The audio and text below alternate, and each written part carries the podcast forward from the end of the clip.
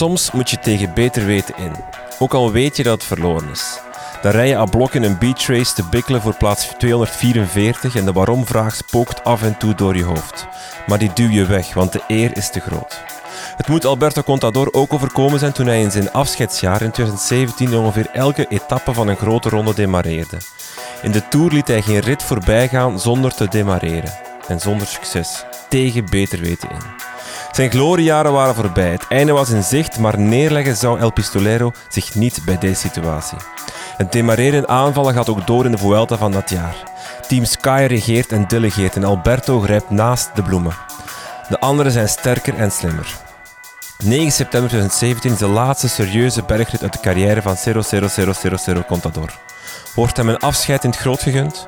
Een klinkende overwinning op de mythische Angliru? Contador zal tegen beter weten in vinden van wel en demareert heel vroeg. De ene vlucht naar de andere haalt de in en op 5 kilometer van de streep is hij alleen. Maar met weinig voorsprong. Froome en zijn Sky-robots moeten op dat moment nog aan hun exploten beginnen. Kan Contador staande op zijn pedalen zich daartegen staande houden? Zijn voorsprong slinkt en slinkt. Maar zo ook de kilometers. Al gaan die op die helse Angliru tergend traag voorbij. De steilste berg ter wereld eindigt, hoe ironie, met een korte afdaling. Het moment waarop een renner alles kan loslaten. Het lactaat langs alle kanten mag opspuiten en Contador zijn laatste overwinning proeft. Met een handvol seconden als voorgrift. Een dag later hangt hij in Madrid zijn fiets aan de haak.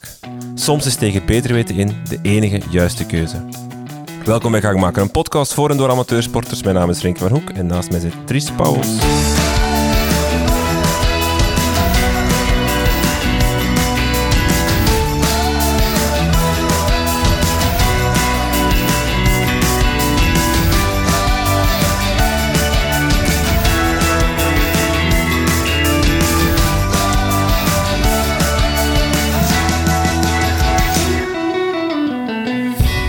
Dag Dries.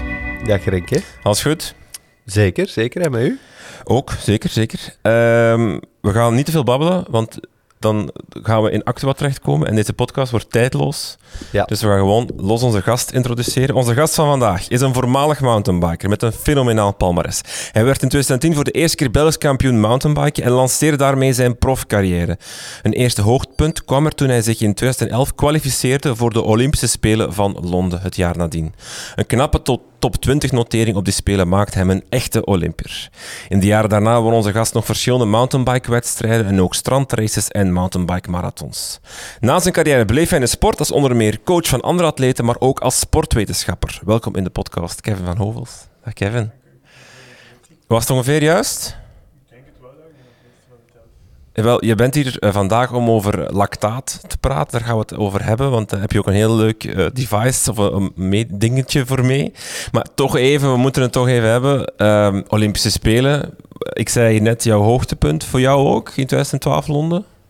Sportief gezien? Ik denk qua, qua beleving uh, wel, qua prestatie misschien niet, maar wel zeker qua beleving. Uh, mm. Olympische Spelen is toch wel een unieke gebeurtenis om op aanwezig te zijn als atleet. Dus uh, ja, dat was wel iets once in a lifetime.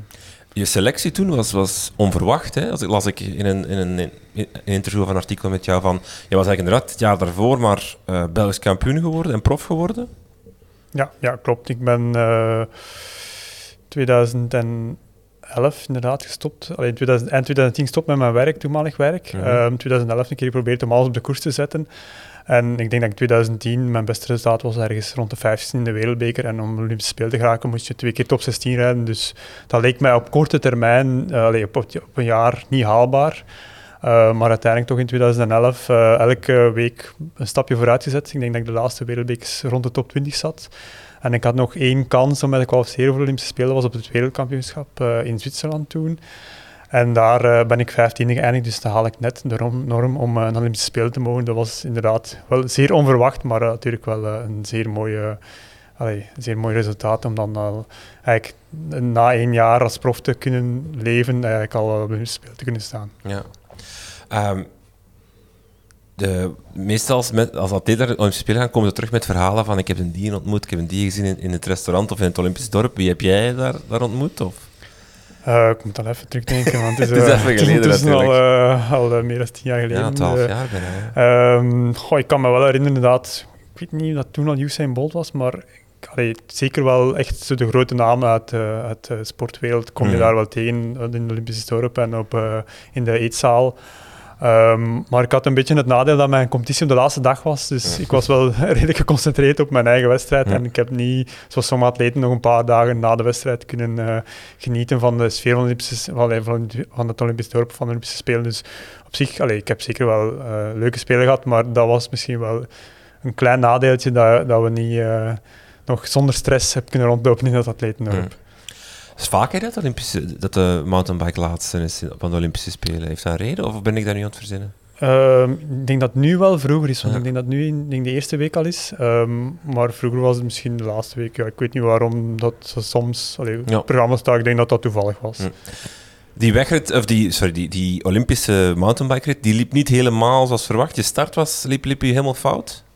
Ja, ja dat klopt. Ehm, ik denk dat ik op zich wel, en ik denk dat ik op de tweede, tweede of derde startrij stond, dus op zich nog wel een redelijk goede uitgang, uitgangspositie had. Maar ehm, in de start haak ik in elkaar met degene die naast mij stond. We raken elkaar met het stuur, waardoor we alle twee een beetje ons evenwicht verliezen. We vallen niet, maar ja, we zijn wel helemaal onze snelheid kwijt, waardoor dat we wel ehm, ja, bij de laatste terug kunnen vertrekken. Dus ehm, eigenlijk is heel mijn wedstrijd een inhaalrace geweest. Ik denk dat we toen met 40, 45 man aan de start stonden.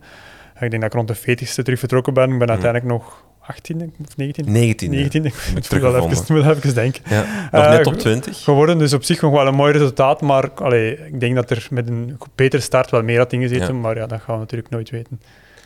Eh, in 2016 plaatste je net niet voor, voor de Olympische Spelen in Rio. Wat liep er daar mis? Ehm, dat is een lang verhaal, daar kunnen we misschien een hele podcast over vullen, maar ik ga het proberen kort, eh, kort te vertellen. Ehm, ja, in Rio, allee, de aanloop naar Rio ehm, was op zich wel goed verlopen. Ik denk 2015 was een van mijn betere jaren. Ik ben toen tiende geworden op het wereldkampioenschap in Andorra, wat dat op zich wel eh, een, allee, voor mij de beste presentatie internationaal gezien ooit was. Dus ik ging er, allee, ik was, laten we zeggen, eh, bijna zeker voor mijn deelname Olympische Spelen. Uh, maar de normen waren uh, richting Rio veranderd. Dus vroeger moest je bepaalde resultaten halen. Zoals ik in het begin al zei, twee keer top 16 op de Wereldbeker of top 12 op een EK of top 16 op een WK. Maar richting Rio hadden ze die normen iets meer opengesteld. Dus was het niet specifiek een plaats, maar selecteerden ze de, de beste renners van het moment, zoals, mm. zoals ze het zelf noemen. Allee, er stonden wel normen op, maar niet, niet zo streng als vroeger. Um, maar begin 2016 um, is mijn vader overleden. Uh, eind 2015 is mijn grootmoeder overleden. Uh, dus voor mij was de voorbereiding 2016 ja, een beetje in het water vallen. Eerst echt een voorbereiding, ook niet alle stages kunnen meedoen en zo. Hoorde dat mijn, mijn seizoensdebuut in 2016 niet zo goed was, ik geef dat zeker toe. Um, maar eigenlijk hebben ze dan de selectie gebaseerd op de resultaten van begin 2016 en niet gekeken naar de resultaten van het jaar ervoor. Mhm. En hebben ze eigenlijk beslist om mij niet mee te nemen Olympische Spelen. Ja. Het is heel vaag, hè? Dat, je, dat, je, dat je beslist op, op een soort van uh, bepaalde moment van... te- maar je, ik weet niet wat het juist is, maar in de mountainbike heb ik het gevoel dat dat vaker gebeurt. We hadden vorig jaar op het WK ook de hele heisa met de startplaats en dat opeens uh, Van der Poel en Pitcock uh, vroeger... Dus je zit daar zo met een soort van... Ze willen graag die toppers aan de start en daar gaan ze toch soms zo de regels een beetje voor... Ja, het is overal wel wat, wat benden en, zo van, ah, kom, Mathieu, zet je maar vooraan, dan kan je meedoen voor de overwinning, anders niet. Dus, Daar wordt er wat mee gespeeld, toch? Um, ja, over dat, dat, allee, die, de zaak van vorig jaar van uh, het WK, dat is de UCI dat beslist heeft. Dus op zich, allee, Mm, dat ja, is een beslissing van de UCI. ja. Bij mij was het uh, BOC, allee, Ja. of, of Belgium Cycling, of allee, de nationale federatie. Die, zij selecteren uiteindelijk hun renners. Dus je hebt een internationale norm en je hebt een nationale norm. Zij bepalen zelf wie dat ze meenemen. Dus daar ja, zijn ze vrij in wat te kiezen. Ik vond het gewoon spijtig dat het, dat het niet duidelijk op papier stond van je moet een bepaald Ja. resultaat halen of we kijken naar die resultaten. Het was vrij, vrij vaag. Ik denk dat, wel, dat ze wel een lessen geleerd hebben. Ik denk wel richting eh, eh, Peking en nu Parijs dat Ja. het wel terug duidelijker is eh, welke norm dat je moet halen en wie dat er eventueel dan zou kunnen meegaan. Ehm, maar ja, soms ja, de, de normen en de regels ja, worden niet altijd... laten we zeggen, heel goed gevolgd. Ja. Wie is er toen gegaan in 16? Uh, dat was uh, Ruben Scheire en Jens Schuurmans zijn Ja, toen gegaan. ja. Um, fiets je nu nog veel? Um, goh, ik fiets nog regelmatig, ik sport nog veel. Ehm, niet meer zoveel als vroeger natuurlijk, maar uh, ik probeer wel uh, nog actief te blijven. Ik loop uh, regelmatig, ik fiets nog, ik mountainbike nog. Ik doe ook nog wel iets van competitie om toch nog wel wat uitdaging te hebben. dat je niet alleen maar fietst voor te fietsen, maar toch nog hm. iets hebt om naartoe te trainen. Dus ja, ik ben wel nog, wel nog actief bezig. Ja. Heb je de hel van Kasterlegen gedaan? Ik heb de hel drie keer gedaan. Ik ben denk, denk 2000 17, 18 en 19 heb ik drie jaar achter elkaar uh, meegedaan. En hoeveel was je telkens? Um, vierde de eerste keer, tweede de tweede keer en dan de derde keer uh, dertiende. Dat was een, een minder dag. En misschien dat ik daar ook wel een beetje een degoe heb gekregen van de hel. Ah, ja, maar dat ik daarna niet meer meegedaan heb. Nu kriebelt altijd nog wel zo in, in rond uh, november, december, omdat dat de, de weken richting de hel zijn. Maar ja, ik ben blij met de resultaat dat ik gehaald heb en ik denk niet dat ik beter zou kunnen doen dan ik, al, dat ik toen gedaan heb. Maar ja, wie weet, misschien binnen een paar jaar dat ik nog wel een keer aan de start sta. Want jij hebt ook altijd meegedaan in de Seppe Odijn regeerperiode, neem ik aan. ja, ik was, ik was altijd uh, ja, achter Odijn. Dat dit jaar, dit jaar de kans om, om, te, om te winnen, want hij deed niet mee. Ja, ja, Odijn heeft tien jaar op rij gewonnen, dus ja, de kans is groot dat hij er altijd tegenkwam. Inderdaad, dit jaar heeft hij last minute moeten afzeggen door een blessure. Um, wat eigenlijk straf is dat hij die tien jaar daarvoor eigenlijk nooit blessure had, heeft nooit pech had heeft in de wedstrijd, of toch geen grote pech waar hij niet, niet kon aankomen. Dus dat is eigenlijk al een wonder op zich. En het is eigenlijk inderdaad wel straf dat hij dan het jaar na zijn tiende overwinning ineens wel geblesseerd is. Maar ja, het was misschien... Oh, het was misschien een unieke kans, ik weet het niet. Ik denk, um, ja... Maar voel je de, de competitiedrive nog? Of ja, toch wel. Ja. ja. Ja, wel, ik merk dat wel. Allee, ik ben, ben wel ondertussen al 38. Um, en ik kijk niet meer... Nu, vroeger keek ik wel nog naar, naar iedereen, dat is zeggen, naar het scratch-klassement, maar nu begin ik stilletjes aan. Ik heb ook een mastervergunning ondertussen. Ja, ja, ja. Kijk ik ook wel iets meer dan naar mijn leeftijdscategorie dan echt nog naar de jonge garde, want dan voel ik wel dat, dat, ja, dat er toch wel een verschil in komt. Waarom, waarom heb je destijds eigenlijk gekozen voor mountainbike? Is dat altijd de, de eerste wielersport geweest of is er soms twijfel geweest?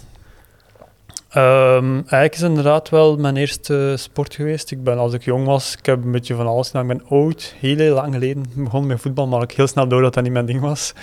Uh, dan, dan deed ik wel recreatief lopen en af en toe een keer een, een lokale loopwedstrijd. Uh, maar dan ben ik beginnen fietsen. Eerst ja, gewoon de, standaard toertochten. In het begin ook met mijn ouders en dan alleen omdat ze niet meer konden volgen. Um, en zo via via bij een lokale mountainbike terechtgekomen. En zij zeiden, ja, rijdt niet slecht, misschien moet je toch een keer proberen een competitie te rijden. En eigenlijk zo in het mountainbike gerold. En eigenlijk, ik heb wel uh, wegwielrennen gedaan en, en cyclocross als, als voorbereiding op het mountainbiken. Of, allee, tussen, in het mountainbike seizoen tussendoor. Maar altijd wel mountainbike als hoofddiscipline, gewoon omdat, ja, omdat ik dat echt wel het leukste vond. Mm Je bent nu ook coach, of uh, sportcoach. Je begeleidt ook andere atleten. Hoe loopt dat? Ja, dat loopt eigenlijk wel vrij goed. Ik doe dat eigenlijk al sinds mijn studies. Ik heb master lichaamkopvoeding gestudeerd. Uh, als ik nog, zelf ook nog actief mountainbiker was. En eigenlijk moest ik daarvoor mijn, uh, voor mijn stageopdracht renners begeleiden. En eigenlijk is het daar begonnen.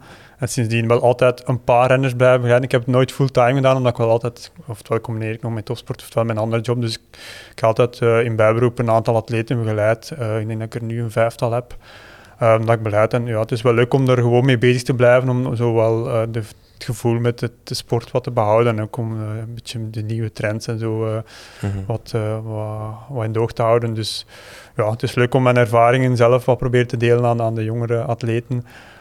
maar ook om bijvoorbeeld, ik doe ook wel wat recreatieve atleten die zo naar één of twee bepaalde doelstellingen toeleven. Um, ja, die begrijp ik ook en dat geeft ook wel voldoening. Dus ja, ik vind het wel leuk om daarmee bezig te zijn. Talenten in je groep van atleten die we moeten... ik heb nu net drie nieuwe atleten um, die nu sinds januari begonnen zijn. Dus uh, het, zijn wel, het zijn drie jonge atleten, uh, maar het is nog een beetje... Ja, wat zijn, zijn dat dan uh, jonge wielrenners, nieuwelingen bij wijze spreken? Die, die... nu, nu zijn het beloften, dus het zijn drie beloften. Ja. ik heb ook nog wel ja, nieuwelingen junioren gedaan vroeger, maar nu zijn het beloften. Um, dus ja, ik ben zelf eigenlijk ook benieuwd uh, waar ze gaan geraken dit seizoen. Okay. Zit, er, een nieuwe Evenepoel? Uh, nee. Dan doen we geen beloftes en dan zou die categorie uh, overslaan. Ja, dan zal hij al prof zijn, ja. ja. Dat weet ik niet, Allee, dat denk ik nu misschien niet, maar, maar ja, um, het is wel leuk om zo jonge atleten te begeleiden.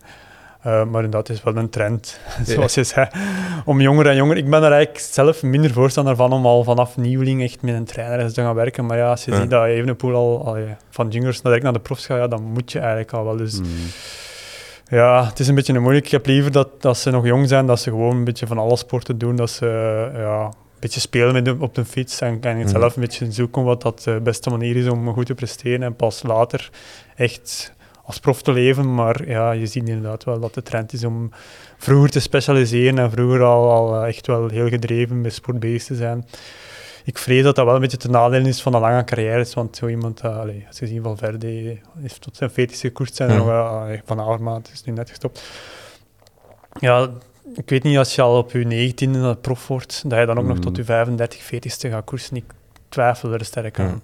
De druk wordt ook, allez, de druk is ook heel hoog voor een heel lange tijd in dat geval. Hè? Oh ja, dus ik denk dat dat wel. ik denk dat, je dat bij Sagan eigenlijk heel, heel hard hebt gezien. Ja, de weerbots van het heel lang presteren op hoog niveau en het altijd maar moeten, moeten, moeten. Ja, en de. Wat dan, want ik vervolg volledig eigenlijk. Waarschijnlijk zal je zien dat de carrière van Evenpoel en Van Avermaat dat die even lang zal duren. Alleen zal Van Avermaat twee, drie, vier jaar later ingestapt zijn. Ja. Maar wat dan wel erbij komt, is dat wij ons spreken Evenpoel zijn, wat bij Greg nu op zijn 38 gedaan is en wat hij nu zo wat moet afsluiten, zo, ja, hij is op pensioen. Dat, zo, je hebt het ook meegemaakt. Je moet op een moment een profcarrière afsluiten. Opeens ben je niet meer profsporter, ben je niet, moet je niet meer elke dag gaan trainen. Um, ik denk, een quote van Nata van Hodenk was: Ik vecht elke dag tegen de, op zoek naar routines of naar, naar dagelijkse gewoontes als dat dan op je 32e bijvoorbeeld echt al op is, omdat je lijf op is, omdat je, omdat je, je lichaam op is, omdat je het echt gewoon niet meer kan, ja, dan begin er dan maar eens aan aan je nieuwe leven op je 32e. De meeste beginnen pas aan hun leven op je 32e. Ja, het is misschien een voor- en een nadeel. Misschien hm. inderdaad een voordeel dat je eigenlijk twee levens kan hebben. Je hm. kan het leven hebben als wielrenner en dan op je 233ste beginnen aan een tweede leven, misschien iets totaal anders. Um, maar ja, als je inderdaad al echt wel de koers je passie is, dan is het misschien wel leuker dat je wat langer je koers kan doen en dan daarna als we spreken over uh, Van Avermaat en die moeten misschien ook niet veel meer doen daarna, omdat ze wel binnen zijn natuurlijk. Maar ja, ik denk voor de, de, de, de meeste wielrenners, ja, die moeten wel nog iets doen natuurlijk na hun carrière. Dus ja, het is een beetje dubbel. Ja. Het kan een voordeel zijn van vroeger te stoppen, maar het kan ook een nadeel zijn. Is dat eigenlijk binnen de mountainbike-wereld, uh, worden daar ook serieuze lonen uh, betaald voor de toppers? Ah, ik bedoel daarmee zoals dat we zeggen, Evenepoel en Van Avermaat, ja, die na hun carrière eigenlijk, als die bij wijze van spreken voor de rest van hun leven in de zetel zitten, die, moeten, uh, die kunnen dat. Kan dat binnen de mountainbike-wereld ook? Oh, ik moet is zeggen, dat uitzonderlijk? Ik, weet de loon niet van de toppers, maar ik denk dat dat niet het geval is. Ik denk dat ja. uh, Nino Schurter, um, die ben even stel kwijt, tien keer of zo alweer ja. kampioen geweest is. Um, die zal wel goed zijn boterham verdienen. En het zullen er nog wel een paar zijn die zeker niet, niet uh, armer gaan worden van de sport, maar dat ze er echt rijk, rijk van gaan worden. Daar twijfel ik. Het zal zeker niet hetzelfde kaliber zijn als de wegwielrenners. Dus mm. um, ja, het is zeker niet zoveel geld uh, om in het mountainbiken dan, uh, dan in het wegwielrennen. Ik denk in de jaren net voor ik begon, eind jaren 90, de tijd van uh, als uh, onder andere Philip Meijragen uh, toch wel een heel hoog niveau haalde. Toen was mountainbike nog wel populair, kwam ook op Eurosport en zo, en waren er grotere sponsors in aanwezig. Ik denk dat het toen betere tijden waren dan nu. Mm. Ik ga niet zeggen dat het nu slechte tijden zijn, maar toen was het volgens mij wel iets, nog iets meer geld mee te verdienen. Maar um, ja, ik denk wel als, uh, als de meeste mountainbikers stoppen, dat ze gewoon uh, iets anders moeten gaan doen en dat ze niet kunnen rentenieren. Want hoe, hoe, ik vind dat ik vind dat soms heel eigenaardig, want als ik naar mountainbike kijk, bijvoorbeeld tijdens de Olympische Spelen, dan denk ik, dat is een, zoals dat wij, wij hebben het er soms over van een ideale tv-sport. Veldrijden is een ideale tv-sport. Gesloten circuit, uh, één uur, terwijl het wielrennen is bijvoorbeeld vijf uur lang uh, iets over, eh, dat eigenlijk een heel parcours volgt, dat heel moeilijk in beeld te brengen is mountainbike is en een heel goede tv-sport en eigenlijk spectaculair om naar te kijken. Ik vind dat soms... Allee, ik vind dat vreemd soms dat dat niet zo populair is. En mondialer toch als... Ja. Veldrijden, zou ik ja, zeggen. maar ben ik zeker van mondialer ja. als veldrijden. Um, en inderdaad ook wel redelijk vroeger iets minder. Vroeger waren het langere omlopen en ook langere koersen. Nu hebben ze dat allemaal wat compacter gemaakt, zodat het wel beter in beeld te brengen is. Ja, ik vind het ook raar. Ik denk dat dat een beetje de geschiedenis is misschien die, nog, Mhm. die nog meedraait. Het, ja, het wielrennen is al jaren super populair. Zeker, allee, zeker in België natuurlijk. Is ook niet een Ehm, Belgische blik dat, dat mountainbiking niet populair is? Ik kan me voorstellen dat in Zwitserland, die toch al jarenlang dat wat domineren, Mhm. ook, dat dat daar misschien populairder is, of, of niet? Ehm, ja, ik denk dat het daar wel populairder is, maar dat het daarom allee, Hm. meer op tv of zo komt. Cancellara is daar toch populairder Ik als Nino Schurter. Ik weet het niet, ik kan het moeilijk inschatten. Ik ben geen Dat is Zwitser. eigenlijk een goeie. Ehm, Een vraagje voor alle Zwitserse Ja, luisteraars. inderdaad. Reach, Dan gaan we reach misschien moeten een keer eh, navragen bij misschien een Belg die in Zwitserland woont. Maar eh, geen idee eigenlijk. Ja. Het is een beetje raar. Ik denk dat het een beetje de, ja, de geschiedenis is. ehm, En Hm. de media-aandacht. Ik denk dat dat vooral het belangrijkste is. Ik denk, Ja. er zijn nog veel sporten die zeer leuk zijn om naar te kijken en, en zeer allee, eh, mediageniek zijn. ehm, maar toch in sommige landen minder... eh, minder in beeld worden. Ik denk bijvoorbeeld, alleen nu, de Belgen doen het nu beter in schaatsen. Bijvoorbeeld short track is eigenlijk superleuk. Kijk, ik vind het superleuk om naar te kijken. Het is heel kort, heel spectaculair. En toch, we hebben Belgische toppers. En zelfs nu dat we toppers hebben, komt het nog bijna niet in beeld. Bijna, Mm. buiten Mm. misschien het WK Olympische Spelen. En maar dan de rest- Nederland, bij ons spreken Terwijl in Nederland ja, kun je 30 van... kilometer vandaan, die doen daar heel erg praatprogramma's Ja, rond. ja, die gaan dus- live naar het EK, WK, al die wereldbekers, dat doen die allemaal eh, live. Ja, ja. Ja, Ik heb dus- eh, een heel kort onderzoek gedaan, eh, helemaal niet wetenschappelijk. Eh Cancellara op Instagram 300.000 volgers, Nino Schuster 700.000. ja, oké. Ja. Dus, Dus- ik, Kijk, maar ja, hij is ook nog een actieve sporter tegen Ja. een gepensioneerd. Ja. Heb je zelf nog sportieve doelen gepland de komende maanden? Ehm, goh, ik probeer elk jaar wel wat doelen te prikken. Nu dit jaar... Want, eh, waar zit, zit je nog altijd in de mountainbike scene? Zit je die duathlon scene? Gravel scene? Eh, ja, ik probeer een beetje van alles te doen. Ook wat nieuwe dingen te proberen. Ik heb vorig jaar voor het eerste keer eh, een eerste gravelwedstrijd Ja? meegedaan. Ik heb meegedaan aan het EK en BK in, Ah, ja, eh, kijk, in, eh. Ehm, wat, waar ik eigenlijk aangenaam verrast was, ik had voorhand een beetje sceptisch tegenover gravel, want als mountainbiker vind ik Ja. het natuurlijk leuk om de extremere op te zoeken. En gravel lijkt me dan zo'n beetje de Gravel light, de light versie van voor, het voor losers Ja, eigenlijk. dus ja. Voor, voor, Dus- Gravel is mountainbiken voor mensen die niet kunnen sturen. Hè. ja, ja, dat is Ik heb het zo niet gezegd, maar, Maar ja, ja, het is wel... eh, het is, heeft het Ik gezegd. doe gravel en ik zeg het. Ja. eh, ja, ik doe het is- geen mountainbike voor een reden. Gravel is inderdaad misschien iets minder uitdagend Ja. dan mountainbike. Maar ik moet zeggen, ik heb me wel geamuseerd. En ja, ik had natuurlijk... Je hebt dan wel het voordeel als mountainbiker dat als er dan een keer iets technisch Ja. in ligt, dat je daar natuurlijk wel je meer op je gemak voelt en wel het verschil kan maken. Uh, dus een keer iets anders. Uh, het is een leuke afwisseling. Ik zie mij niet fulltime gravel doen, maar... Ja. Gooi naar het wereldkampioenschap in jouw leeftijdscategorie bijvoorbeeld? eh, Nee, want ik denk, wacht, hè, 34 tot... ja, tot dus wanneer? ik- ik- ja, Tot, tot, eh, 40. ja, Tot 40? Ik zit, zit op het einde van, maar ik denk dat ik het laatste Ah. jaar in die categorie zit. Um, dus ik zal misschien wel bij de ouderen in mijn categorie zijn, maar op zich Dus eigenlijk nu Eh, ik- voorbereiden voor volgend jaar wereldkampioen bij de 40 plus. Ja, misschien is dat nog wel interessanter dan om dit jaar mee te doen. Ja, Wie ik, wordt het ik- hier eerst? ik ben wel gekwalificeerd voor dit jaar, maar Je bent al gekwalificeerd voor het ja, WK? omdat ik op het, op het EK kon je je ook kwalificeren Ah, voor ja, het WK. juist. Dus ik ben wel, gekwalificeerd, ik ben wel Maar gekwalificeerd, delen. maar ik ben nog niet zeker dat ik ga meedoen. Ah, ja, ja, ja. Eh, ik heb eigenlijk zelf nog geen gravelfiets. Ik heb vorig jaar eentje snel geleend van, eh, van iemand. Dus ja, ehm, ik weet het nog niet. Als er zijn die nog een fiets eh, ja. hebben staan die ze niet meer moeten hebben. Nee, maar eh, ja, het zal wel een unieke... Gewoon al, allee, het moet zelfs niet competitief zijn, maar gewoon al om daar te kunnen rijden in, in België. Als je, zag, als je de beleving al zag op het BK-EK, op het WK, dan gaat het misschien ook nog groter zijn, nog meer. Ja, ja, ik denk dat wel. Ik ga- ik zou eens moeten kijken. En dan in dat Belgisch truitje, denk dat, je- denk dat het genieten gaat zijn als je mag Dat denk ik wel, ja. Ik moet juist eens kijken. Ik weet niet hoe dat ze het gaan doen qua, qua startopstelling. Of dat, eh, want vorig jaar waren er wel wat problemen met eh, dat iedereen tegelijk op het parcours. Ik denk dat het nu gaat gesplitst worden. Dus Ja, ja. Het zal er misschien een beetje van afhangen welke categorie dat bij wie meerijdt. Want ik denk Hm. als je bijvoorbeeld op zaterdag een aparte wedstrijd hebt, Mhm. Ah, dat de beleving misschien wel iets minder zal zijn Dat dan als je zondag bij de profs eh, Dat zijn echte plannen. Ja, ik weet tot nu, maar ja, ik ga er niet te diep op in, maar ik weet tot nu dat ze wel effectief een onderscheid gaan maken tussen de eliten, de profs eigenlijk, Ja. en eh, de leeftijdsgroepen. Ja, die moeten Maar zo... die elite die ook profs, dat zijn er 20. Allee, of Nee, 100. nee, nee, nee, nee, nee, nee, maar bijvoorbeeld, ik zal maar iets zeggen, ik kan mij inschrijven als elite, maar ik kan mij ook inschrijven als eh, mijn leeftijdscategorie 19 tot 35.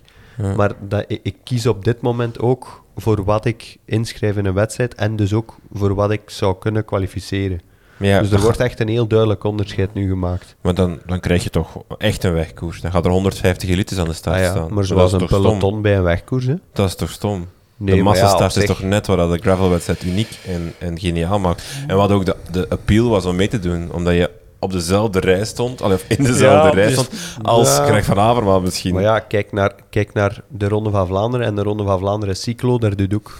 Ja, maar dat is anders, Dat is geen wedstrijd. hè. Nee, nee, nee, ik weet het, maar ik bedoel, het zou mij niet tegenhouden om niet aan het WK te willen deelnemen. Ja, maar vind het wel... Was, ik denk wel, allee, op het EK bijvoorbeeld, in mijn leeftijd, wij moesten denk ik een ronde minder doen, een lokale kunnen, ronde ja, minder ja, dan ja. de profs, Ja, maar ja, we sowieso. starten wel gelijk. Ja. Dus je hebt wel deze beleving en je zit ook wel op hetzelfde moment op het parcours dan dat de profs erop zitten. Dus je hebt wel inderdaad het publiek en zo dat, dat er aanwezig is. Ja. Dus ik denk dat het vergelijkbaar zijn, ga- gaat zijn op het WK, dat ze misschien wel een deel Samen. van de... Ik denk als je intelligent bent met de rondes, dat je, ja. dat je dat eigenlijk perfect kan doen. Ze hebben gewoon een fout gemaakt door de rondes... Te klein. Nee, door de volgorde kleine, was- grote, ja, kleine, kleine. Dat was raar. Ze hadden... Ze hadden inderdaad die Dat had volgorde daar moeten moeten spelen. doen, bijvoorbeeld. ja. Dat, je, dat, je, dat je zorgt dat je bijvoorbeeld nog een grote ronde moet doen in plaats van twee kleine rondes. De, de, de profs moesten nu twee kleine rondes doen op het einde en jij maar één. En dat was raar. Ze hadden eigenlijk gewoon dat moeten aanpassen, zodat de profs op het einde, de- dat die afstand veel groter is. Ik denk dat je daar goed mee speelt, dat moet lukken. Ja, ik denk inderdaad ook wel. Ja, er- maar ja, het is nu een rit in lijn, dus op zich. Ah ja, het is volledig. Het WK is altijd in lijn, hè. Nee, het is denk ik een rit in lijn en dan ook nog wel lokale Ah, ja. rondes in Leuven. Ja, Ze starten het. in Halle Ja, en dan doe je eigenlijk een rit door het Zonewoud richting Leuven. Ah, ja. En daar dan nog, ja, ik weet niet, Ah, ja. ik weet niet hoeveel, maar dan nog een paar dan lokale gaan ze rondes. eigenlijk hetzelfde probleem tegemoet, op die manier. Allee, Als als het die, zou kunnen. als die eerste lus lang genoeg is, dan, Ja, dan gaat ja, dat verschil denk zo groot zijn dat je Ja, dat hangt er een beetje vanaf hoe groot dat de rondes zijn en hoe groot dat de eerste lus is. Ja. Ja. En hoeveel tijd dat ze tussen de verschillende categorieën doen en hoeveel categorieën. Want ik denk wel dat ze nu, dus dat ik al zei, het gaat op twee dagen zijn, dus het zal waarschijnlijk maar tot een bepaalde categorie zijn die zondag met de prof starten en de andere categorieën gaan waarschijnlijk zaterdag apart. Ah, ja, en de dames, zo, zo was het op het WK vorig jaar, ik denk de dames en een aantal age categories starten reden zaterdag en de rest reden zondag. Ah. Dus ik weet nu ook niet hoe dat het nu gaat zijn, maar ik veronderstel dat het vergelijkbaar gaat zijn. Maar dat is op zich logisch. Ja, Maar Dat- ja, dat- eigenlijk ah, fijn, moeten we misschien... We moeten net naar het onderwerp ja, van de we dag. moeten want, misschien eh, oppassen met deze uitspraken, want als er volgende week een persbericht verschijnt Ja. over Ja. het 2K Gravel, dan... We zullen het in de, in de show notes zetten dat de, het gesprek over lactaat begint op minuut 26. Eh, maar met- of, voordat we aan beginnen, toch nog even. Ik wil het, toch- want het is op zich opmerkelijk, een topsporter die uiteindelijk sportwetenschapper wordt. Ik, ik weet niet wat er heel veel zijn die dat- die, die omslag maken. Ehm, hoe is dat gekomen? Want jij je hebt de master gehad natuurlijk in, in, eh, in sport. Eh, hoe is dat gekomen? Eh, ik zou het niet echt een omslag noemen, eigenlijk. Maar inderdaad, ik heb eerst bewust wel mijn studies afgemaakt als master in gaan Na je Nee, tijdens mijn sport. Ja. Dus ik heb echt wel gecombineerd eigenlijk sport met studies. Mhm, Heftig. Ehm, ja, maar ik ben eigenlijk, mijn, mijn internationale doorbraak was wel maar na mijn studies. Ja. Dus ik heb eerst mijn master afgewerkt. Dan ben ik toen ook nog begonnen aan onderzoek. Ik heb eigenlijk nog een jaar en een, denk drie maanden gedoctoreerd eh, aan de KU Leuven destijds. Ook over optimalisatie van fietsprestaties. Dus Mhm. eigenlijk de passie voor de wetenschap en het sportwetenschappen is er, is er altijd wel geweest. Eh, maar toen kwam ik op een beetje eh, een keerpunt in mijn leven. Ik was toen, denk ik, 25 jaar. En begon internationaal ook wel uitslagen te rijden. En ja, dan moest ik beslissen, van oftewel werk ik mijn doctoraat af, word ik, Mhm. ben ik 28 als ik gedaan heb. En is de kans klein dat ik nog iets ga kunnen, allee, of nog de omswitch ga kunnen maken tot echt fulltime mountainbiker. Oftewel doe ik het niet. Dus ik heb dat toen wel gedaan. Ik heb bewust gestopt eh, toen met mijn onderzoek en proberen profmountainbiker te worden. En het is uiteindelijk ook gelukt, want twee jaar later stond ik eh, op Olympische Spelen. Ehm, dus die passie voor wetenschap is er altijd wel geweest, maar dan als ik gestopt ben eh, met mountainbike, ja, is ook, was die er nog altijd aanwezig en ben ik eigenlijk op zoek gegaan naar ja, jobs in de, in die de combinatie maakten tussen sport en wetenschap en, die, waar ik ook een beetje mijn, eh, mijn achtergrond eh, als zowel wetenschapper als, als atleet kon gebruiken. En na wat verschillende dingen gedaan te hebben en, en, wat jobs gedaan te hebben, ben ik eigenlijk ja, bij Hydro terechtgekomen, waar ik nu eigenlijk ja, mijn werk doe, wat Mhm. ik nu doe en waar ik eh, mee bezig ben. Bij Hydro werken jullie rond eh, real-time, non-invasive lactaatmetingen. en daarom hebben we jou uitgenodigd, omdat we het enerzijds willen we het hebben over die vernieuwing. Eh, want ik heb eh, opgezocht, Jan Bakelands heeft al eens in een podcast gezegd, ik weet niet of het over jullie ging, maar dat hij dat de gamechanger vindt van het, of de gamechanger, gamechanger kan zijn binnen topsport, binnen wielrennen. Het feit dat je constant op elk moment bij spreken via je telefoon je lactaatmeting kan zien. Maar, wat is, maar daarvoor willen we eerst een stapje teruggaan, naar, namelijk naar wat is lactaat, wat ben je nu mee? Dus mijn eerste vraag is eigenlijk heel simpel, wat is lactaat? Um, dat is niet de gemakkelijkste vraag. Ik ga proberen toch uh, allee, niet te moeilijk uit te leggen. Ja, lactaat, uh, de meesten hebben er waarschijnlijk al wel van gehoord en, mm. en het wordt ook wel veel uh, in de wielerwereld gebruikt door commentatoren en, en ook door renners. Maar wat is nu eigenlijk lactaat? Lactaat is eigenlijk een product dat je lichaam aanmaakt. Um, ik ga het niet, niet te moeilijk maken, maar um, als je begint te sporten, um, ja, maakt je lichaam lactaat aan. Um, maar je lichaam gaat ook lactaat verbruiken als brandstof. Vroeger wisten we dat niet. Vroeger dachten we dat lactaat eigenlijk alleen afvalstof was. En was altijd gezegd, ja, lactaat is slecht, lactaat is niet goed. Uh, lactaat zorgt voor verzuring, lactaat, ja. lactaat tot achter je oren. Maar eigenlijk klopt dat niet helemaal. Um, inderdaad, als je begint inspanning te doen, begint je lactaat te stijgen. Maar het lactaat in, in bepaalde spieren stijgt, maar wordt ook in andere spieren gebruikt als brandstof. Dus um, lactaat is zeker niet slecht. Lactaat is, is zelfs goed voor je lichaam en heeft er wordt nu meer en meer onderzoek naar gedaan. Heeft, uh, heeft heel veel functies in het lichaam, veel meer dan dat we vroeger dachten. Uh, um, en ja, is eigenlijk echt wel uh, een belangrijke stof in het lichaam. Maar om nu specifiek naar sport te gaan, wat er nog altijd wel gebeurt is, lactaat, zoals ik zei, als je begint te sporten, gaat je lactaatproductie stijgen, maar ook je lactaateliminatie, dus je verbruik van lactaat gaat stijgen. Maar er is nog wel altijd een bepaalde drempel, de lactaatdrempel of de anaerobe drempel, of het zijn er duizenden namen voor die drempel. Um, die bestaan nog wel altijd. En dat is eigenlijk het punt waarbij je meer lactaat gaat aanmaken dan je lichaam kan verbruiken. En dat is eigenlijk, ja, zoals ze zeggen, de lactaatdrempel. En eens dat je boven die drempel gaat, uh, vroeger zei je dan ging je verzuring, dat klopt hm. niet helemaal. Uh, maar daar heb je wel een, een, stijging van lactaat en dat is ook wel een, een punt waarop je niet inspanning maar op een beperkte tijd kan volhouden. Dus dat is wel een belangrijk punt in de sport, alleen, of in het wielrennen zeker.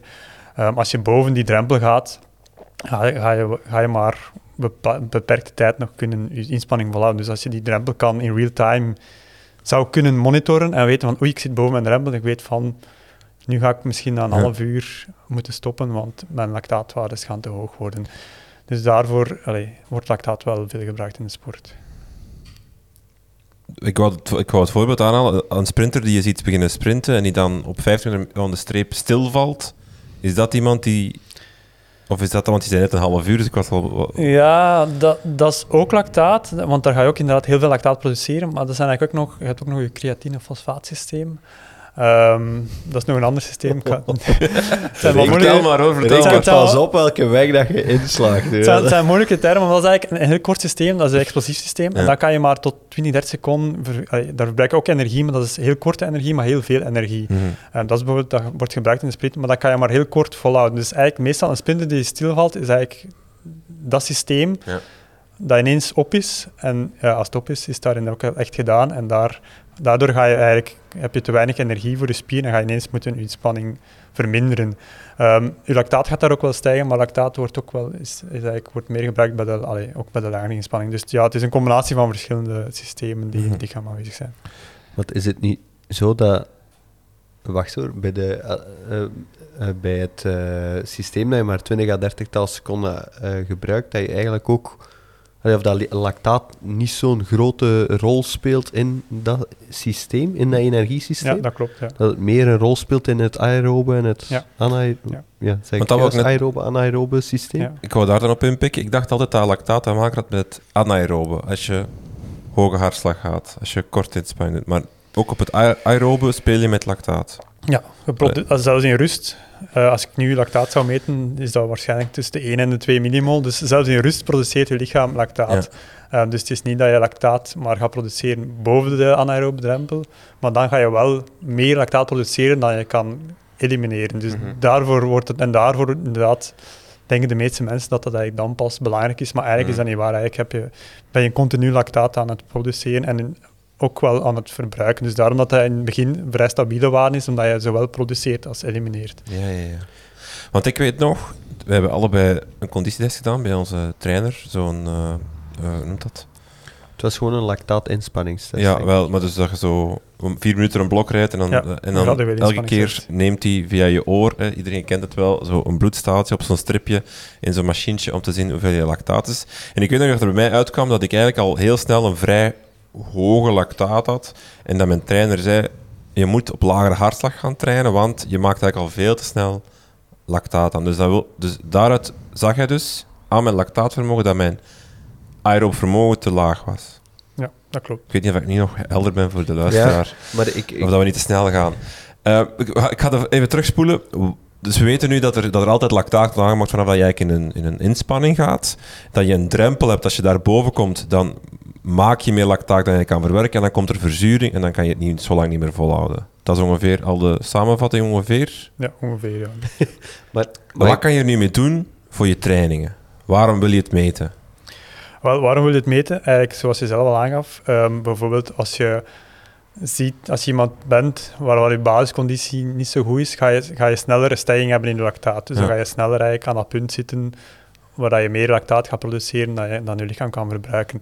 Als je nu gaat trainen, het fout die heel veel of die veel recreanten, om het zo te zeggen, maken, is dat ze te hard trainen of dat ze te, te snel... Grijs. Ja, te, te hoog Brommeren. ja, dat is eigenlijk te hard trainen op training. En nu zeggen ze dat ja, je moet onder een bepaalde hartslag blijven. Maar hartslag is altijd, ja, is, wordt beïnvloed door heel veel factoren. Hè. Het weer geeft daar een, groot effect op. Ja, stress en zo kan allemaal Ja. invloed hebben op je, factor, op je hartslag. Als je nu zou kunnen lactaat meten en je kan zien, oké, ik blijf continu rond, ik zeg maar eens 2 millimol eh lactaatwaarde zitten.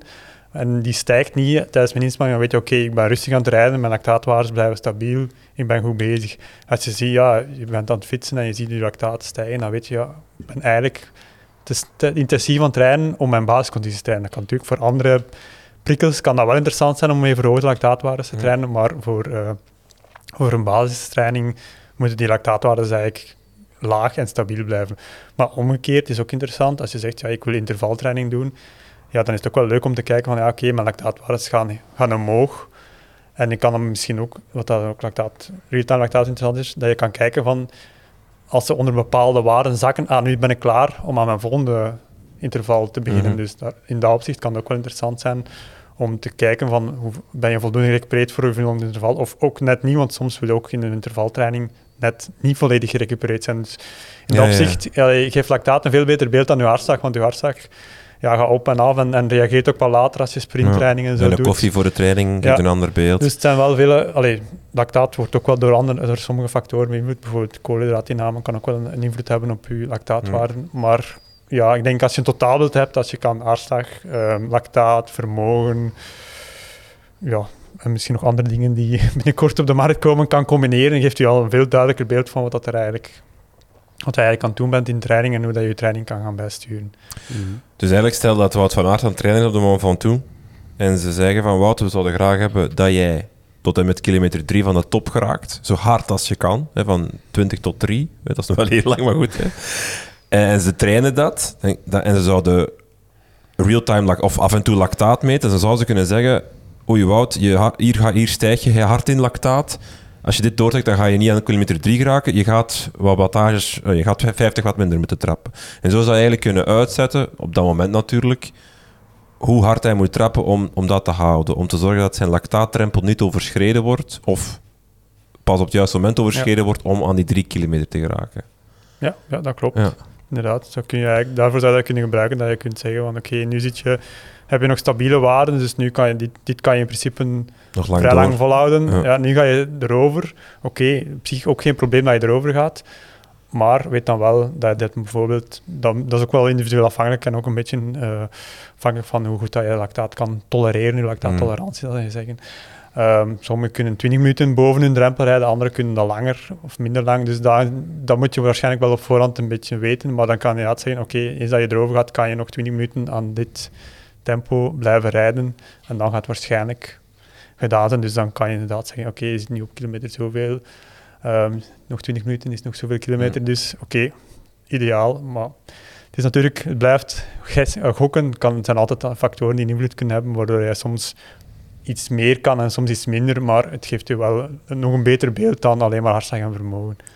Is dan, sorry Dries, is, is lactaat dan, lactaatmeting dan de beste manier om je conditie te bepalen? De meest precieze, je doet een lactaattest en zo ga je het beter dan bijvoorbeeld een hartslagtest of een vermogenstest, een FTP dan of zo? Ja, lactaat geeft u... een- Ja, aan de lactaatwaarde kan je zien wat er in je spieren gebeurt. Aan de rest geef, zie je eigenlijk het eff- effect dat er in je spier Een gebeurt. Extern, Ja, extern zie je via externe meting. Ja. Bij lactaat zie je echt effectief wat er in je spier gebeurt tijdens de inspanning. Dus daarom is dat wel een, allee, een goede indicator om, om aan te geven wat er gebeurt. Hoe lang blijft lacta die lactaatopstapeling, hoe lang blijft die meestal in het lichaam hangen? Ik kan mij voorstellen, u doet een, eh, bijvoorbeeld, wij hebben gisteren een zware wedstrijd gereden. Ik voel het nog zo. dat wil zeggen. We zijn nu een dag later, zit dat lactaat nog altijd in mijn lichaam? Is dat, ik vermoed dat dat ook bij iedereen wel een beetje anders is, dat, ook dat dat afhangt van herstel, eh goede slaap enzovoort. Maar, Ja. maar Het feit dat die coureurs allemaal na een wedstrijd nog op rollen kruipen, heeft dat dan daarmee te maken? Of Dat heeft het- daar inderdaad mee te maken. Dus ook op, dat ik in begin al zei, lactaat wordt niet alleen geproduceerd, maar ook, wordt ook gebruikt door andere spieren als brandstof. Dus door eigenlijk na een wedstrijd te gaan losrijden, wat gebeurt er? Gaat eigenlijk dat lactaat dat in je lichaam zit en geproduceerd werd, door rustig te fietsen, gaat dat gebruikt worden als brandstof, waardoor je eigenlijk sneller je lactaat gaat afbreken. Hmm. Dus waardoor je eigenlijk sneller gaat recupereren. Dus dat is eigenlijk Dus een je- van de redenen waarom dat je Ja. rustig wel, dus als je ja, intensief gaat blijven rijden, dan gaat dat niet gebeuren. Ja. Maar als je rustig eh losfietst na, na een wedstrijd, ga je wel sneller eh je lactaatwaardes zien zakken. En waar Dus- is het ge- ja, dus voor hebben ons dat niet gedaan. bijvoorbeeld, wij hebben een wedstrijd gereden van een uur en 40 minuten naar twee uur, zoiets. Stoever. We Ah, nee, zeggen nee, dat hij ah, er nu sorry, 40 zo was over het niet gedaan be- is. Denken ze was het echt niet bedoeld. Ik bedoel... Allee, we, We hebben een wedstrijd van twee uur gedaan. gereden. Ja. eh, eh, handig dat we dan 10 minuutjes uitbollen? Of? Dat kan zeker geen kwaad. Natuurlijk hangt ervan af, als je zegt, ja, ik heb nu deze week niks speciaal te doen, ja, of dat je dat nu vandaag of morgen op zich... Allee, Ja. in de ronde, in de ronde ja. of zo is dat belangrijk natuurlijk. Als je een dag daarna terug moet, eh, Ja. moet fietsen, is het wel belangrijk dat je zo goed mogelijk recupereert. Voor een recreant die maar één keer om de drie weken, ik zeg maar iets, iets van wedstrijd of zoiets doet, ja oké, dat gaat je wel een beetje helpen. Inderdaad, ga je misschien iets minder stram, maar stramme spieren is ook, is ook een beetje niet Mhm. altijd lactaat, maar kan ook gewoon wel lichte spierschade zijn van, Mhm. van je inspanning of van inspanning die je niet gewoon bent. Dus ja, dat is een beetje... Ja, het kan zeker geen kwaad, maar het is nu ook niet dat ik tegen iedereen ga zeggen, ah, je moet per se na, na een wedstrijd eh, een half uur gaan losrijden. Hm. Ah, het, het is zeker goed om dat te doen, maar ja, het, vooral voor recreanten is dat soms ook niet altijd belangrijk, laat het zo zeggen. Die lactaattolerantie. Je zei die vers- dus dat als je over je anaerobe drempel gaat, als je eigenlijk eh, je inspanning is te zwaar, je, die kan de lactaat niet meer wegwerken, dan kan je nog maar x aantal minuten daarna of ja, ja, minuten volhouden. Je zei bij sommigen is dat 20 minuten, bij anderen is dat een half uur. Is belangrijk dat je- kan je dat enerzijds te weten komen? En is het belangrijk dat je dat te weten komt? We, weten jouw eh, sporters dat bijvoorbeeld, is dat wat jij met hen berekent of, of door een test uitzoekt? Of denk je, nee, dat is zo afhankelijk van de dag en van... Ja, dat is sowieso afhankelijk van- de vorm van de dag en zo. Eh, god, dat is moeilijk. Allee, je weet wel ongeveer, eigenlijk in principe... ehm, te zeggen altijd, als je eigenlijk net onder je drempel zit, die inspanning, of tot, tot tegen je drempel, kan je in principe ongeveer een uur volhouden. Maar ja, dat is een beetje FTP, zoals Ja. ze zeggen. Daar komt FTP van, Functional Threshold Power, is eigenlijk inspanning die je in één uur kan volhouden. Ja. En als je daarboven gaat, ja, dan Ja, ja. kan je het minder lang volhouden, daaronder kan je langer volhouden. Maar zeg, dat is zeer individueel afhankelijk en ook afhankelijk van de factoren. Het zou leuk zijn moest je het van iedereen weten en kunnen meten, maar ja, op dit moment, ik ben zelf niet op de hoogte dat er eigenlijk echt een Ja. test bestaat om te meten, want ja, dan moet je eigenlijk al, bij wijze van spreken, gaan op je drempel zo lang mogelijk rijden, vijf wat hoger, ja, dan ga je eigenlijk al zeven testen, bij wijze van spreken. Alleen verschillende testen moeten doen van, oké, aan welk wattage kan ik hoe lang fietsen? Dus dat is Ja. niet zo praktisch om dat eigenlijk te, te testen. Oké. Ehm, wat er nu meestal gedaan wordt, maar verbeter mij, maar ik denk is, zoals wij het gedaan hebben, je gaat een conditietest doen en dan komt er lactaat bij kijken. Je, wordt je, wordt, eh, je doet een, eh, zo'n, zo'n RAM-test is dat meestal. Je rijdt een bepaald wattage voor vier minuten, is dat denk ik. Dan wordt er lactaat gemeten, je gaat x aantal wat hoger, weer lactaat. En zo kunnen ze eigenlijk in, in kaart brengen hoe jouw lactaat stijgt. En wat er dan gebeurt, is dat wordt vertaald naar zones naar hartslagzones of als je een vermogensmeter hebt naar vermogenszones. En dan eigenlijk, eh, er iets verbeterd mee, kom je eigenlijk, zeker als amateursporter, niet zo heel veel meer in contact met lactaat. En dan krijg je jouw zones tot je volgende conditietest. Dat klopt er nog steeds wat ik hier zeg? Ja, ja dat klopt inderdaad. Ik denk bij Wout van Aert zal het misschien iets meer zijn, maar toch ook op deze manier. Namelijk na een training kijken van, om dan die zones bij te stellen. Ja, ik denk dat het grote verschil is nu dat ze meten tijdens trainingen. Ja, ook. Maar inderdaad, dus de standaard manier is inderdaad via een graduele inspanningstest, zoals je aangaf, uh, lactaat meten en dan ga je vertalen naar hartslag of uh, vermogenszone. Dus dat is eigenlijk hoe dat vroeger gedaan werd, nu nog altijd bij de meeste recreanten. Maar inderdaad, uh, nu op training wordt er ook meer en meer lactaat gemeten. Het zijn nu al van die handheld devices, van die kleine toestelletjes dat je eigenlijk makkelijk op training kan meenemen. Een klein prikje in je vinger en je kan al lactaat meten. Dus dat wordt meer en meer, zeker op stage en zo, wordt dat echt wel, wel veel gebruikt tijdens bepaalde intervaltrainingen. Bijvoorbeeld een, een klim aan een bepaald wattage omhoog rijden, dan gaan ze gaan kijken, oké, wat is nu lactaatwaarde op het einde van de klim? Hoe, hoe, diep ben je geweest? Hoe hoog lactaat zit je? Zit je boven of onder de drempel? Dus daar wordt dat ook wel meer en meer voor gebruikt. De, de Noren, de Noorse triatleten, staan bekend om, voor hun lactaattesten. Um, zij gebruiken dat echt heel veel tijdens zowel de loop- als fietsintervaltrainingen om echt hun interval gaan bij te sturen. Dus zij doen echt specifieke trainingen op bepaalde lactaat of richting, dat ze weten, we willen die training, willen we die lactaatwaardes, allee, dat zijn dan wel persoonlijke waarden natuurlijk, halen of willen we mhm. dat, uh, met, allee, dat die inspanning bereiken of die, die intensiteit halen. En zij gaan echt wel lactaat gaan gebruiken om te kijken, om dat bij te sturen. Om te zeggen, oké, nu zitten wij eigenlijk iets te laag, we moeten iets harder lopen of fietsen. Nu zitten we iets te hoog, oké. Dus nu wordt, allee, bij, de, bij de gewone mensen, ja, die kijkt gewoon naar zijn hartslagmeter en zijn vermogen. En, en oké, ja, en om die, die eigenlijk altijd hetzelfde. Maar om daar eigenlijk echt de vorm van de dag in, in rekening te kunnen brengen... Ja gaan ze lactaat meten en kun je echt wel zien van oké, vandaag misschien iets minder in vorm, dus ik ga misschien iets minder hard met de fietsen, maar ik heb wel de even hoge lactaatwaarde dan als ik iets beter in Dus daarvoor wordt het wel meer en meer gebruikt, maar ja, nadeel is nog altijd alleen met bloedlactaat, dat je het mm. moet prikken en meten, dat je het niet in real time kan zien. Is, is het grote verschil dat... Um, naar, mijn gevoel, naar mijn gevoel werd er vroeger uh, soms ook lactaattest gebruikt tijdens trainingen, maar dat het dan vaak de, de hoge intensiteitstrainingen waren die gecontroleerd werden, waar gekeken werd naar, oké, zijn we effectief eh, VO2-zone eh, aan, het, aan het aanvatten, zijn we effectief die anaerobe zones aan het...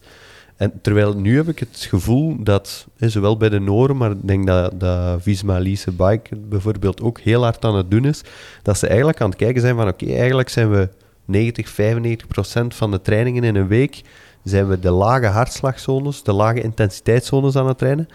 Maar zijn we dat effectief wel aan het doen? Ik denk dat die vraag, allez, of naar mijn gevoel, wordt die vraag nu heel hard gesteld van oké, we gaan daar eens gaan controleren. Trainen we wel effectief binnen die juiste lactaatwaarde? Ben ik daar juist in? Of is, is mijn gevoel daar...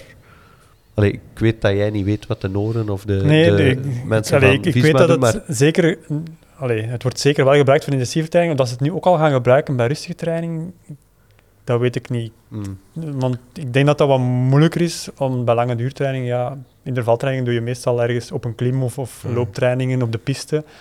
Maar als je, ja, dan moet je al iemand hebben met de auto. Allee, dat zal ook wel gebeuren waarschijnlijk, dat er iemand met de auto erachter rijdt en dat ze het kunnen meten.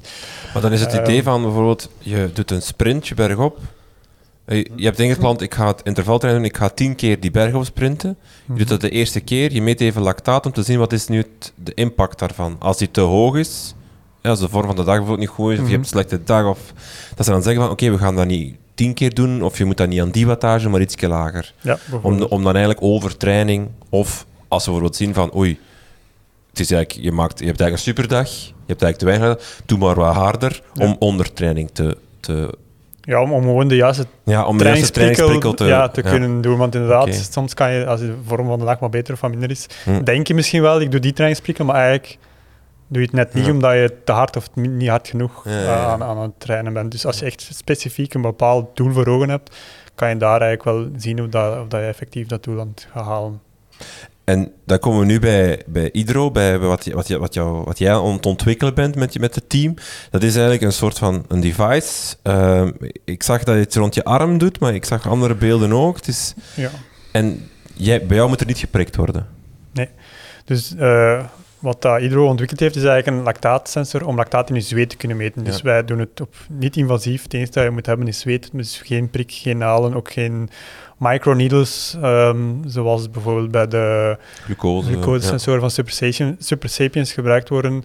Dat is bij ons niet het geval. Dus bij ons is het echt volledig niet invasief. En dat meet dus, want bloed, zweet en tranen, maar het is wel een verschil. Is dat even goed? Wel, dat is eigenlijk een beetje de vraag van 10 miljoen, om het zo te zeggen. Ehm, daar is nog wat discussie over. Dus daar, dat is ook een beetje het doel van mijn onderzoek, wat ik nu aan het doen ben. Is eigenlijk gaan kijken van, uw lactaatwaarden in het zweet, zijn die even bruikbaar of even goed als uw lactaatwaarden in het bloed? Ehm, daar is wat discussie rond. Sommigen beweren van wel, sommigen beweren van niet. Sommigen zeggen er is geen verband tussen zweetlactaat en bloedlactaat, anderen zeggen van wel. Dat is nog niet helemaal duidelijk. Um, wat dat wel al gevonden heb in de literatuur en ook al, al gezien heb bij onze metingen, is eigenlijk dat uh, lactaatwaarden in het zweet zijn sowieso hoger dan lactaatwaarden in het bloed.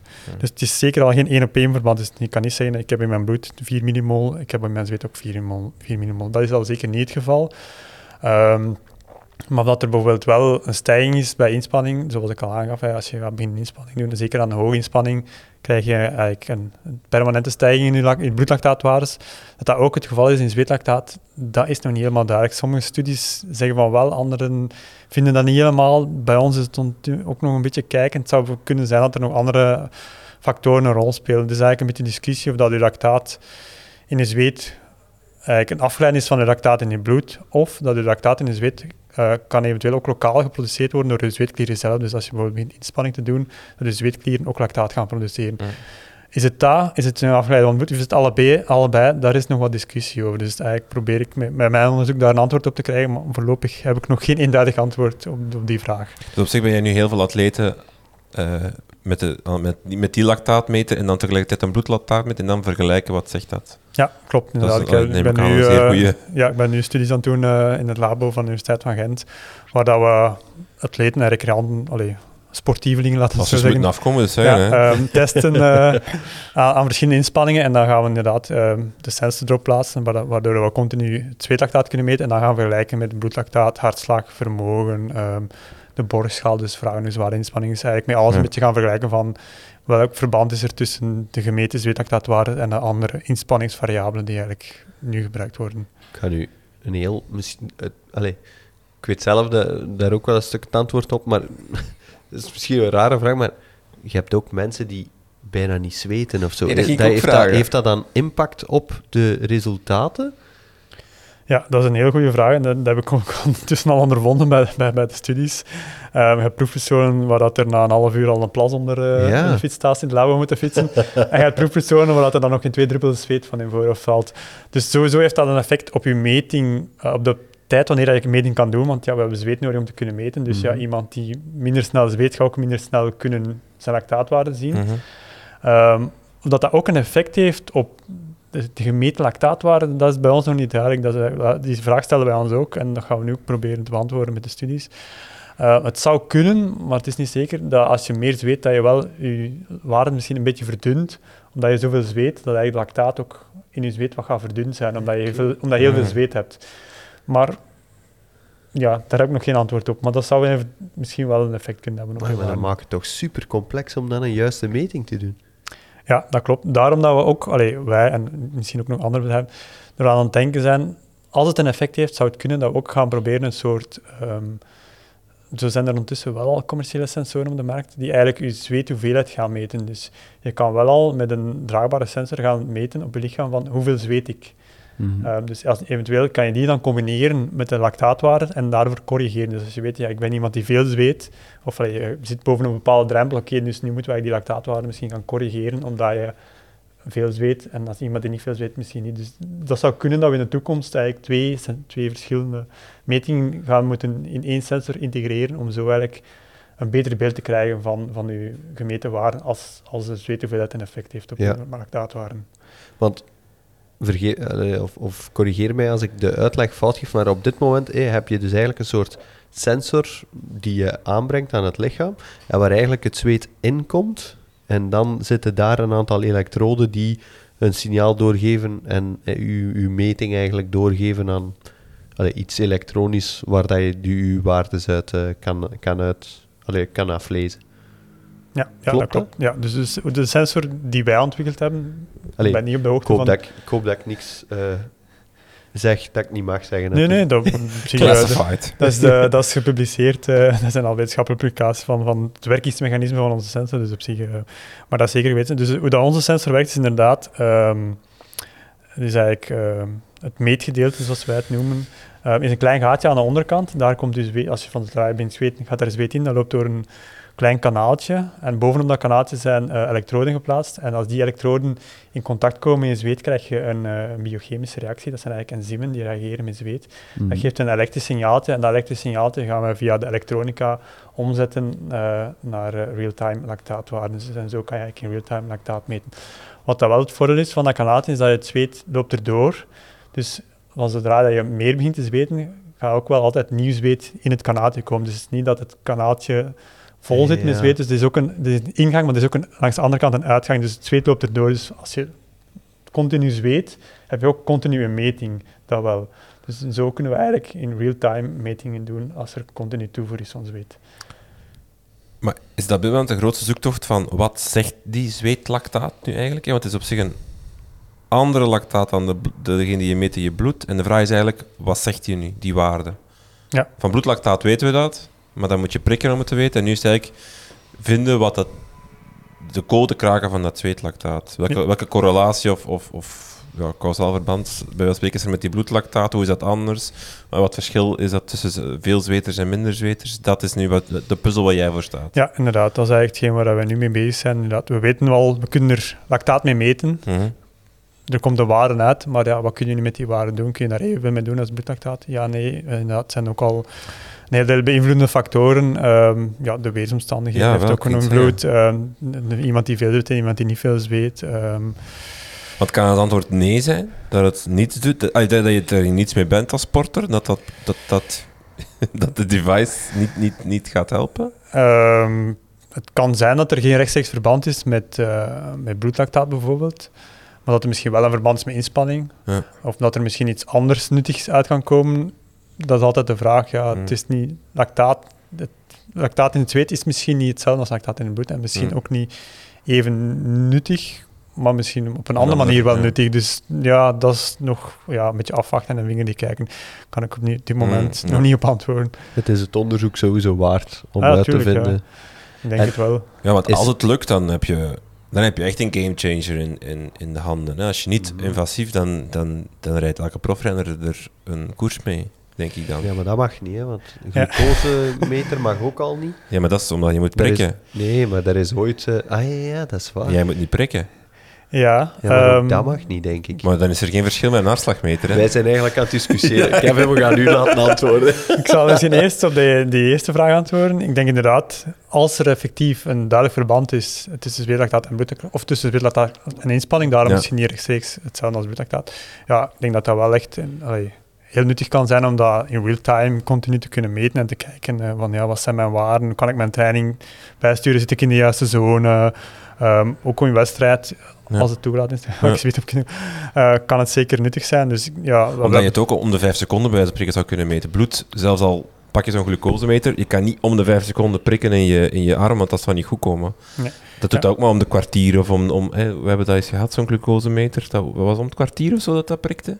Uh, of alleen ja, die, allee, hij doet de meting uh, elk kwartier, maar dat is ook omdat de batterij maar zo beperkt ah, ja. is. Ja. En het geheugen ook.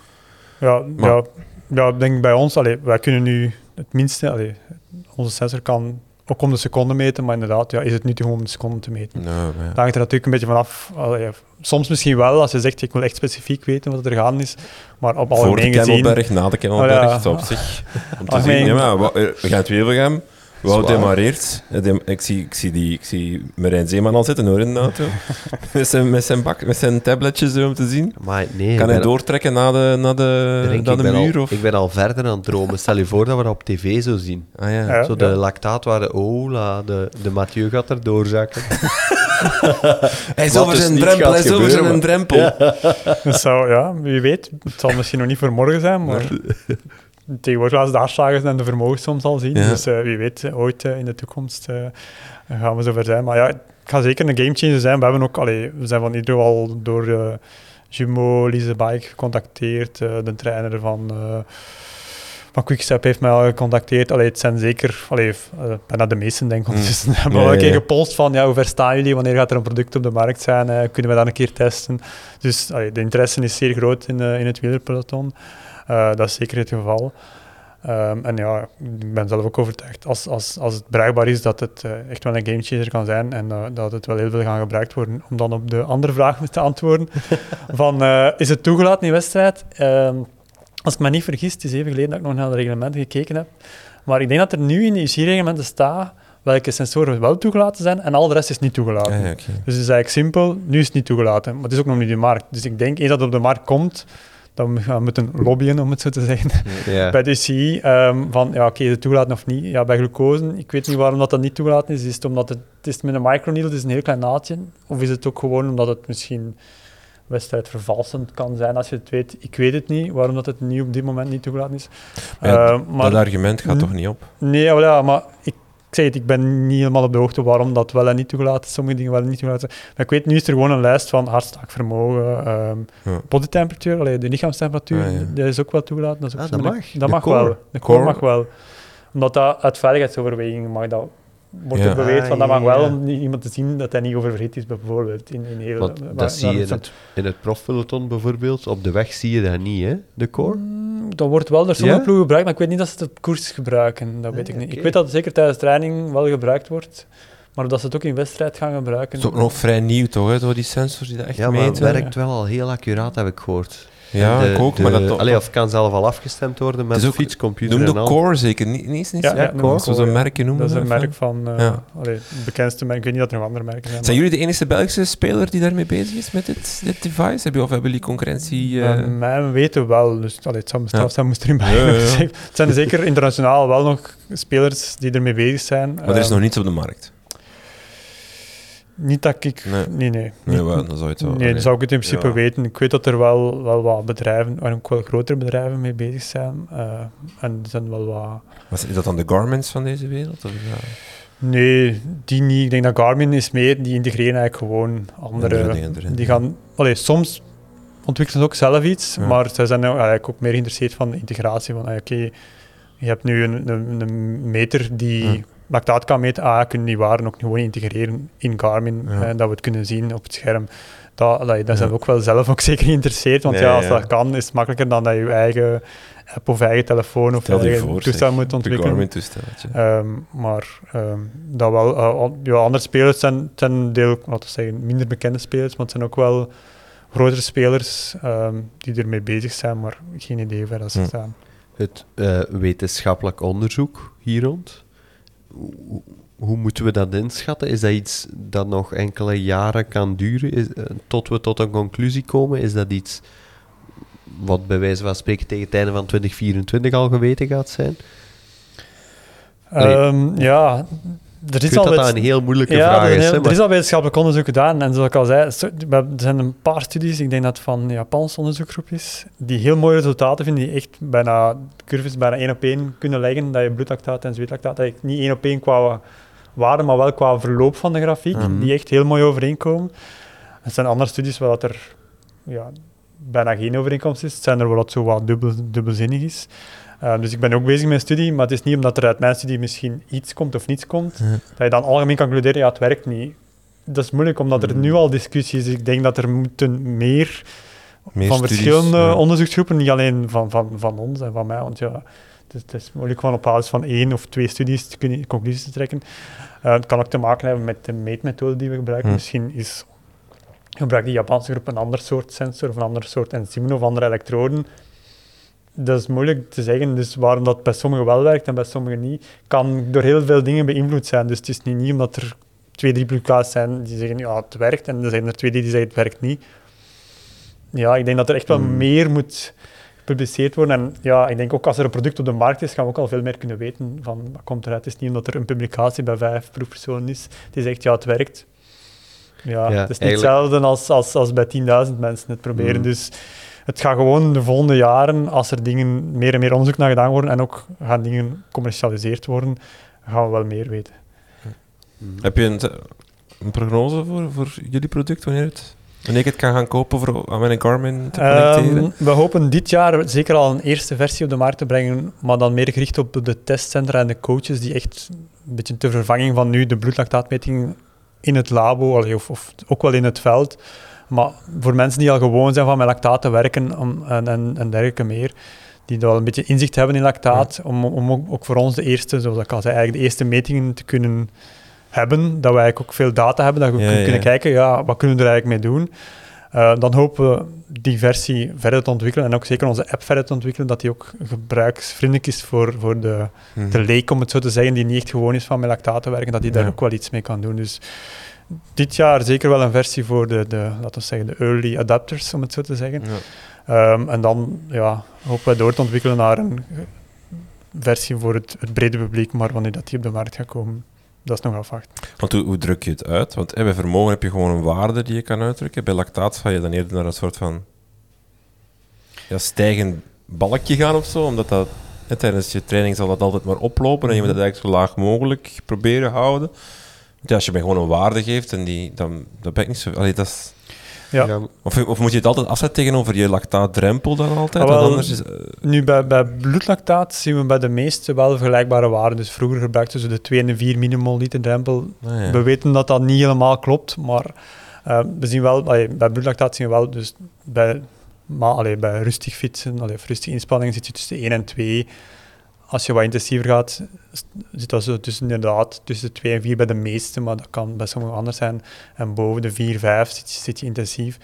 Bij zweetlactaat zijn we niet zeker dat we, dat we daar ook zo wat soort standaardwaarden gaan hebben. Het zou inderdaad kunnen dat je moet gaan kijken naar je, eigen persoonlijke baseline waarde en je eigen persoonlijke drempelwaarde en dat je dan kan gaan kijken, ah, ik, zit, ik zit tussen mijn waarde, ik zit boven mijn waarde. Dus dat dat is ook nog niet duidelijk, maar het zou inderdaad wel kunnen dat je moet een soort, ja, zoals je zei, een soort balkje misschien, waar je zo maar, dat, misschien van groen naar oranje naar rood gaat of zoiets. Dat is misschien interessanter dan effectief ja, te zeggen, ja, je hebt nu een, een, een lactaatwaarde van 25 millimol per liter ja, dat zegt, dat zegt niet zoveel bij iemand die er niet veel van kent. Dus ik denk inderdaad dat het misschien beter is om het te individualiseren of, of het een percentage van een bepaalde waarde te Dan weet u dat je naar huis moet. Als je een drempel bereikt hebt, dan zeg je, ja man, ik heb nog een half uur, ik moet naar huis. ik zit op met een drempel, ik ga nu niet, nu wordt het niet meer beter. Wat, uh... We moeten naar het café. wat is de droom van Hydro? Wat, wil, wat willen ze op het einde van de rit bereiken? Goh, ik denk dat onze droom is dat uh, binnen dit en een aantal jaren half het profpeloton, half het beginnen, de sensor gebruikt. En dan daarna ja, ook de, de recreant, de, de, laten we zeggen, de prestatiegedreven recreant, om het zo te zeggen. Um, of de datagedreven recreant, dat die dat ook gaat gebruiken. Dus dat we eigenlijk, uh, zeker in de eerste fase in de sport, um, onze sensor aan de man kunnen brengen. Uh, en dat we het ook kunnen integreren met bijvoorbeeld Garmin, en zodat je op je Garmin of op je, op je horloge op je fietscomputer kan uh, in real-time de waarde zien. Ik denk dat dat de eerste stap is. Uh, de tweede stap, maar dat is een beetje een, een, ander project. Er zijn ook waarschijnlijk wel mogelijkheden binnen gezondheidszorg om lactaat te gaan monitoren en, en ook wel toepassingen om mhm. sommige ziektes te gaan monitoren of voorspellen en dergelijke mee. Dat is natuurlijk een totaal ander veld, maar daar zijn zeker ook wel mogelijkheden. Oké, top. Kevin, heel veel dank om uh, langs te komen en ons alles te vertellen over lactaat. Uh, we zien jou op het WK Gravel. Hè. Dat, Hopelijk, hopelijk, hopelijk. Uh, Dries, jij bedankt om hier te zijn. En aan de luisteraars bedankt voor het luisteren. En tot de volgende.